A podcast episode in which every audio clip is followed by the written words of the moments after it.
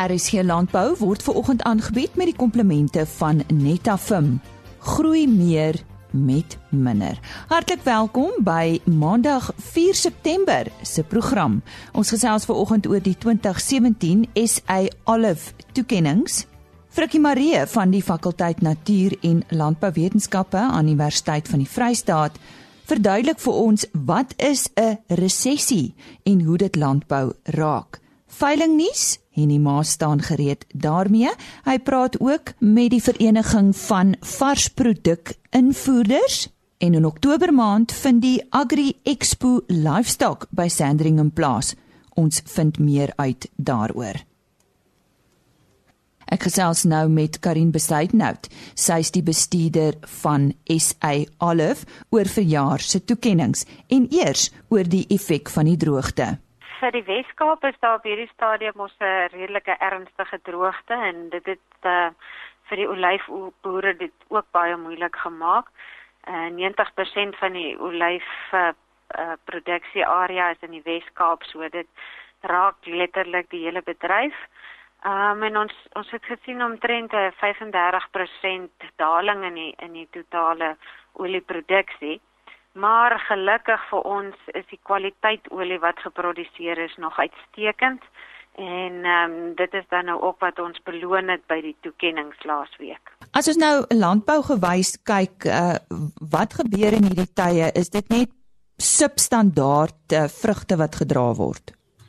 Ja, die die oes is letterlik kleiner, die tonnemate is kleiner en in sekere gevalle kan die vrugte ook kleiner wees maar gelukkig omdat ons mos met 'n olieproduk werk is daar dan gewoonlik 'n meer 'n uh, intense aromas wat dan nou na vore kom. So ja, die die oes is letterlik kleiner, maar dan uh, is daar vir ons ander voordele ook daarom daarin. Kom ons gesels oor die toekenninge. Uh hoe kan 'n mens deel word van 'n toekenningsproses? Moet jy inskryf? Hoe werk dit? Ja, ons ons nooi die produsente om in te skryf. Dit is net plaaslik geproduseerde olies wat kan inskryf en uh, dit is ook natuurlik net ekstra suiwer olyfolies wat kan inskryf. Daar's dan 'n drie kategorieë waar hulle inskryf. Uh delikate olies, 'n medium olie of 'n intense olie.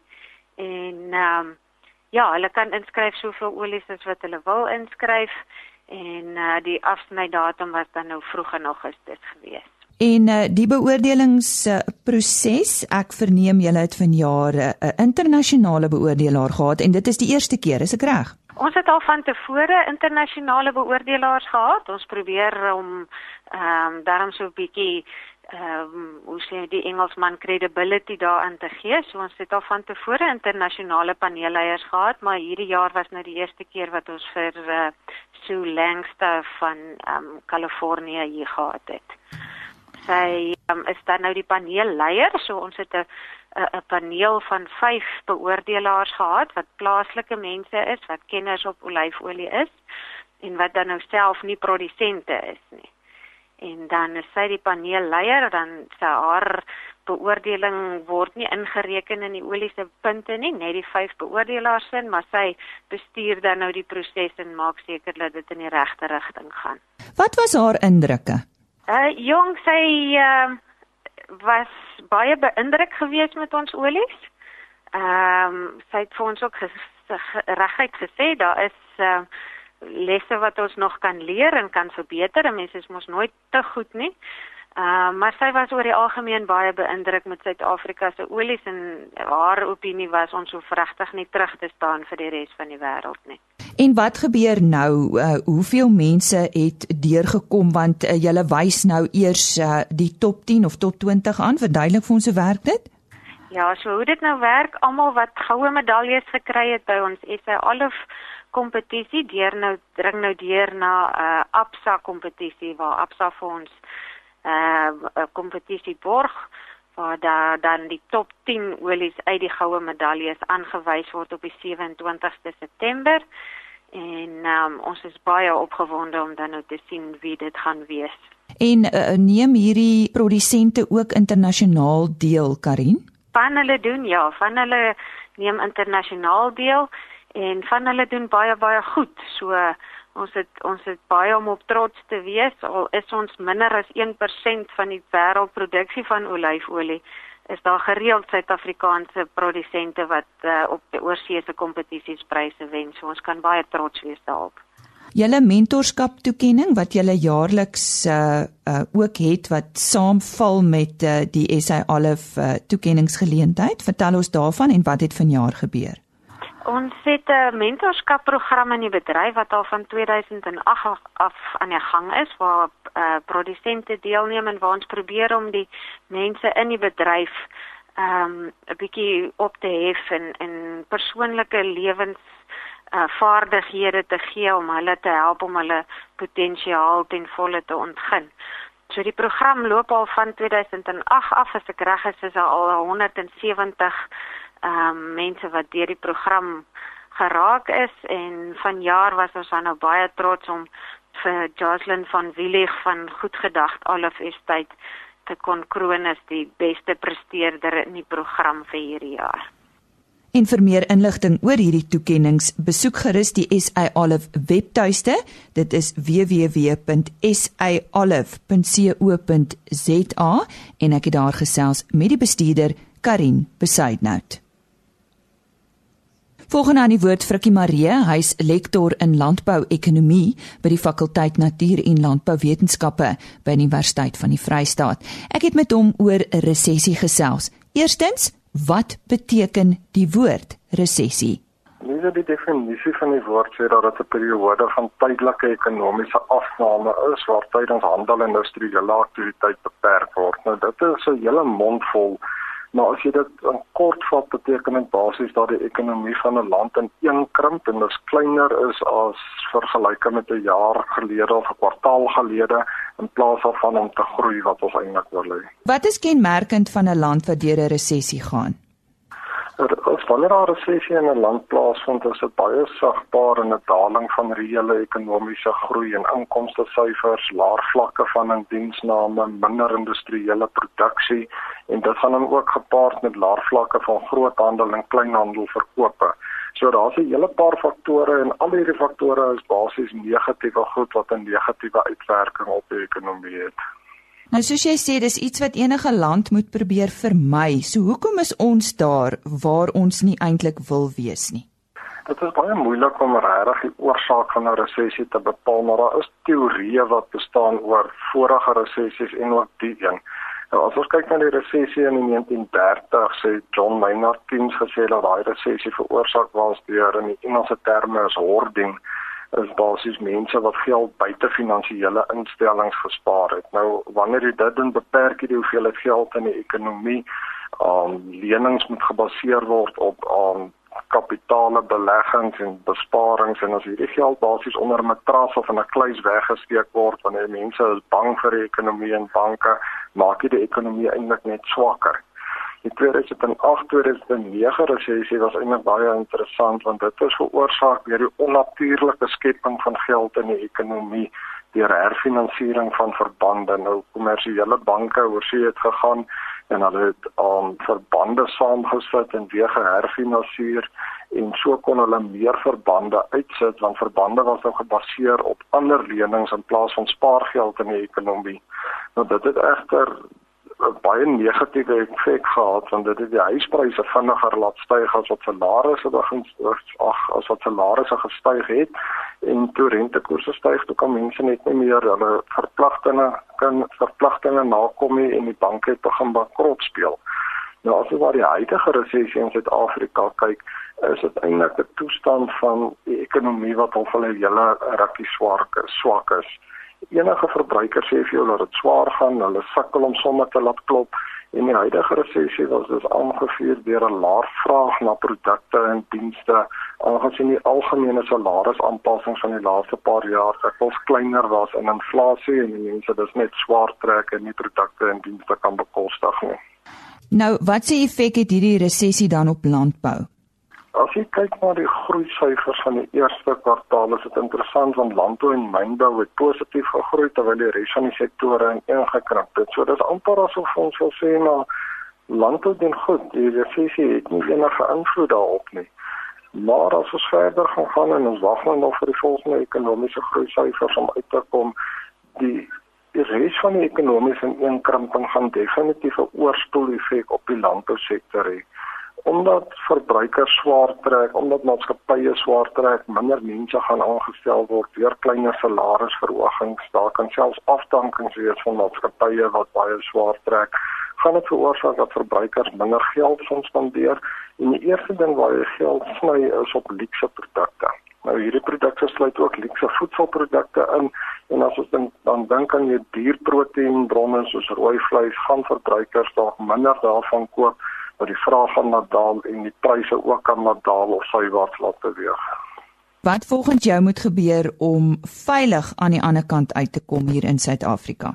Ek dink nie net in Suid-Afrika nie, maar enige land waar 'n resessie plaasvind, is dit nodig dat die land sterk ekonomiese groei syfers kry om uit die resessie te kom. Nou om ekonomiese groei te bewerkstellig, moet daar egter investerings plaasvind. En as ons dink aan Suid-Afrika se swak kredietgradering telling, gaan dit bitter moeilik wees om veral buitelandse investering na die land te lok. Nou die onlangse daling in rentekoerse kan help om druk op plaaslike verbruikers te verlig en spanderingsvlakke aan te moedig Maar aan die ander kant verontmoedig dit nou ook weer die buitelandse investering in Suid-Afrika en wat verswak ons wisselkoers. Nou die minister van Finansie het deur die fiskale beleid gesê hy gaan regeringsspandering besnoei en hierdie geld dan gaan aanwend om infrastruktuurontwikkeling wat definitief kan help om die ekonomie te laat groei, maar die vraag is of dit regtig genoeg gaan wees. Nou as jy na die monetêre en die fiskale beleid kyk, is dit duidelik dat Suid-Afrika so 'n bietjie tussen 'n rots en 'n harde plek is. Ek dink daar is planne wat hulle probeer maak, maar ons is baie onseker oor hoe goed hierdie planne gaan werk en hoe lank dit regtig gaan vat om sterk ekonomiese groei te bewerkstellig en uit die resessie te kom. Die stem daarvan Frikkie Marie, hy's lektor in landbouekonomie by die fakulteit Natuur en Landbouwetenskappe by Universiteit van die Vrystaat. Die eerste veiling wat ons vanoggend oor wil praat, is die ene van The Heritage Beefmaster verkoping wat op die 5de September plaasvind by Gramstad in die Oos-Kaap. Die Shell Whippy Beefmasters produksie veiling vind op die 6de September plaas by Greilingstad in Mpumalanga. Daar's 30 bulle, 35 koeie dragtig en die veiling word behartig deur OVK. Ook op 6 September die Ivukile Beefmaster veiling uh, by Adewal Noord-Vrystaat. 30 bulle, stoet en kudde, dragtige vroulike diere. Die Molopo Beefmaster sou ook op 6 September uh, veiling en die eerste produksie veiling van Bosui Borane vind op die 7de September plaas by die Oranje Gasteplaas tussen Voorburg en Clarence. 50 SP vroulike diere 20 SP boraanbulle word opgeveil deur BKB Louet en SHM Auctions. Johan van der Nest is die afslaer. Die kwartsen beefmaster veiling vind op die 7de September plaas by Senekal in die Vrystaat. LP Becker en Seuns se 14de produksie veiling vind op die 7de September plaas by George's Kraal Warden 35 SA vleis merino ramme en 17 Simbra bulle word opgeveil deur BKB Louet. Die veiling word behartig deur Jan Mostert.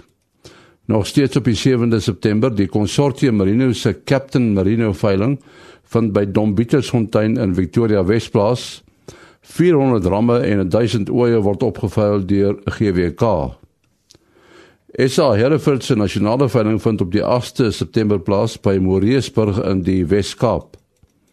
En op die 9de September is die nasionale Dormer veiling by die Bloemfontein skougronde. Topstoedramme en oeye word opgeveil deur BKB Louet. Die afslaer is Gert Jordan. Tot sover dan veiling nuus. 8085 Sandringham in Stellenbosch gaan in Oktober weer gons tydens die jaarlikse Agri Expo Livestock en ons hoor nou by Johan Elers van Agri Expo wat ons vanjaar by hierdie geleentheid kan verwag. Johan, ja, miskien moet jy net eers vir ons sê presies wanneer vind dit plaas? Môre Lise, Agri Expo Livestock vind plaas 12, 13 en 14, dis die donderdag, Vrydag en Saterdag van Oktober. Op Sandringham net buite kan Stellenbosch van 9:00 in die oggend tot 6:00 in die middag. Wat is die eintlike doel van die livestock skou? Livestock Expo het baie meer geraak as net 'n gewone skou of 'n expo. Ons bou op die sukses van die verlede van die afgelope paar jaar wat ons daar het en hierdie is 'n kulminasie van 'n verskeidenheid van entiteite en behoeftes wat binne in die lewende hawe komponent betrokke is binne in landbou. Eerstens glo ek dit is die genetika met waar ons die top teelers en diere in Suid-Afrika bymekaar bring in 'n internasionale skoue. Dit gaan oor bemagtiging, die kennis oordra komponente, daarom het ons kongresse daar, inligtingsdae, ons het 'n melkbok inligtingsdag, ons het 'n vleisbees inligtingsdag met baie bekendes wat kom optree daar so soos Nico Groenewald van Standard Bank, ons het vir Gerard Skutte daar so, ons het vir Johan van der Berg wat bietjie gaan gesels oor die beer en Rina Belgie wat dokter van Malan wat afkom. En dan natuurlik bemagtiging bemagtiging deur middel van kennis oordra. En dit is dit ja dit is die komponent daar. En dan entrepreneurskap wat ons sê ons skep geleenthede. Dis interaksie met groot kommersiële boere ons bring die kleiner boere in daar word opleiding aangebied en baie belangrik vir ons is dan die groei van inligting. Die heeltyd deur by hierdie expo. En dis geleenthede binne in landbou wat ons wil identifiseer en ons glo dat dit 'n opwindende twinvenster vir landbou is maar livestock staan op drie bene en dis dis belangrik. Dit gaan oor die teelers of die landbouer dan oor die jeug en dan natuurlik oor die verbruiker of die publiek daar buitekant. So kom ons kyk vinnig net gou na die teelers komponent en die landbouer as sulks. Ons het daar 'n internasionale skouing waar die Angus, uh, Holstein, Jerseys en Ayrshires gaan skou. En vir ons is ons is baie opgewonde daaroor want dit is die grootste interras kompetisie in Suid-Afrika wat daar gaan plaasvind met meer as 13 rasse wat teenwoordig sal wees in die skouing. En ons is baie bevoorreg om vir Willie die jaar daar ja gedag te hê wat die nuwe voorsitter is van die die Suid-Afrikaanse Interakspaneel is oordelaar daar. Dan het ons internasionale beoordelaars, Harry Schilling van die FSA by die Holsteins en by die ASS Neil Smith ook van die FSA. En dit alles kom bymekaar in die skouering die Saterdag met die kroning van die FNB Suiwelkoningin en die BKB Vleisbeeskoning of koningin. Maar sending is ook dan 'n platform vir 'n verskeidenheid van komponente. Ons het die Angus uh, 100 jaar benee daar van jaar. Ons het hulle jaarvergadering en ook die Angus uh, raadsvergadering. Ons het die Holstein se raadsvergadering daaraan en dan natuurlik SA Stamboek se elite Weskaap toekennings. Die nuus daar en die LNR se nasionale seilboer van die jaar van daar plaas. Ons het verlede jaar begin met die DMC kongres, die Dairy Management Consulting kongres van Chris Fourie dit van die Woensdag daar plaas. En dan soos ek gesê het, het ons twee groot inligtingsdae, die Melkbok inligtingsdag en die Vleisbees inligtingsdag wat ons saam met die departement van landbou in die Weskaap daar aanbied. Wat is vanjaar nou as jy nou praat van julle probeer uh voortbou op vorige jaar se suksesse maar wat is vanjaar nuut as iemand nou sê maar ek was verlede jaar daar wat wat sien julle as nuut Goed. Eerstens natuurlik die skouring, ehm um, met die grootste interras kampioenskappe. Dis baie belangrik. daarmee saam met ons ons veilingring wat baie uitgebrei was. Ons het verlede jaar een of twee veilings daar aangebied. Vanjaar het ons die Percheron veiling daar en ons is baie opgewonde want ons het 'n uh, miniatuur perd veiling daarso en ook miniatuur donkie veiling daar. En dan nie vir die eerste keer in Suid-Afrika 'n veiling van werkende skaaphonde. So terwyl die skaaphonde aan die werk is, word hulle dan opgeveil op daarso. So, dis 'n daar's baie nuwe opwindende komponente binne in die landbouaspek. En dan natuurlik die jeug. Ons fokus die donderdag en die Vrydag baie op die jeug. Dit is vir ons belangrik om die jeugters te bring landbou toe en die inligting oor te dra aan hulle ons maak gereed tot ons die bevestiging van ongeveer 2.500 skooliere wat daar sal wees op daai twee dae. En wat is dan doen ons het so 12 stasies waarby hierdie leerders almal sal stop. Waar hulle gaan leer oor beesrasse, oor die rooi vleisbedryf, ehm um, oor die suiwelbedryf, die pleinvee komponent, uh selfs oor veldbrande. So dit gaan alles oor inligting wat ons daar saam met hulle het. En dan natuurlik uh die verbruiker. Nou ons het die verbruiker is baie welkom om die tweede dag, die donderdag en die vrydag om te kom kyk hoe werk die landbou en maar die Saterdag fokus ons spesifiek op hulle en net so 'n sterk komponent ingebring die groot plaas pro waar ons dan die waardeketting binne in landbou na die verbruiker wil deurgee maar ook waar die verbruiker met die landbouer in kontak kan kom en met die dier kan kom so dis 'n so wat ek aan die begin gesê het, is 'n kulminasie van 'n verskeidenheid van komponente met 'n verskeidenheid van nuwe aspekte hierdie jaar daarso. Um, ek wil nie altyd sê dit is groter en beter nie, maar baie meer opwindend. Ja, ons is nou nie Amerikaners nie, né? Nee, ons is nie. baie belangrik. Johan, waar eh, kan ons meer inligting kry? Seker maar die webtuiste as jy dit net vir ons sou gee om jy af te sluit. Dis by www.livestock.org.za of hulle kan ons kantoor skakel 021 975 4040 en ons sien uit daarna om almal daar te verwelkom. Johan Elers, die hoofuitvoerende beampte van Agri Expo wat gepraat het oor die Agri Expo Livestock wat volgende maand vanaf 12 tot 14 Oktober by Sandringham gehou word. Ons uh, gaan nou 'n bietjie gesels met Mariana Tuise. Nou Mariana Tuise is uh die algemene bestuurder van die varsprodukte invoerdersvereniging. Uh Marianne, dis nou 'n baie groot woord. Uh, wat is die die rede waarom is daar 'n vereniging vir varsproduk invoerders?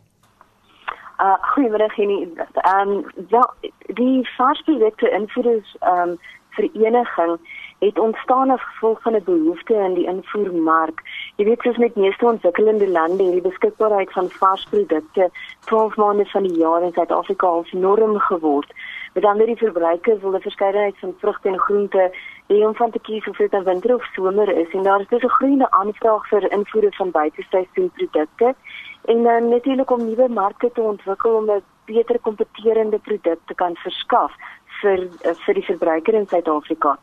So in die varsprodukte invoerdersvereniging um ontstaan om om 'n nasionale platform vir invoerders van varsprodukte te kan skep.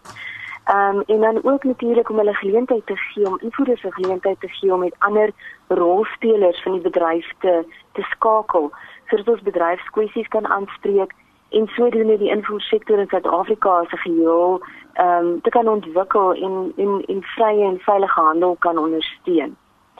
Ehm um, die vereniging fokus meer op kommersiële handel en hy verskaf dus aan sy lede die nuutste tipe van markverwante en regulatoriese inligting wat die invoerders dan beter in staat stel om ingeligte verskaffingskettingsbesluite te kan maak. En in aanspraak verteenwoordig die vereniging sy lede op verskeie forums veral met die relevante regulatoriese owerhede en ehm um, en ons in, in sodoende jy weet met met die beperkte kapasiteit wat ons het kundigheid en tegniese kundigheid wat dit vat om om die om nuwe markte te ontwikkel en om die regulatoriese omgewing veilig en en effektief te hou. Ehm um, jy weet om daardie skakeling te verseker en om en en te ontwikkel. Ehm um, en en prioriteite vas te maak om sodoende die kapasiteit wat beskikbaar is ten ten beste te kan benut. En en die kritiese faktore uh, wat die verskaffingsketting uh, vir vir varsprodukte affekteer. Wel, ek dink belangrik altyd met met die as mens interne ding van van die van die die die varsprodukte ketting ehm um, jy weet dan dink mense altyd sanitêre en fitosanitêre probleme of uitdagings. Ehm um, jy weet wanneer ons sê sanitêr dan dink mense mense en diere gesondheid en fitosanitêr natuurlik plantgesondheid. So dis gewoonlik die tipe van ehm um, probleme wat 'n mens mee wat wat 'n mens mee sukkel as 'n mens invoere van varsprodukte doen.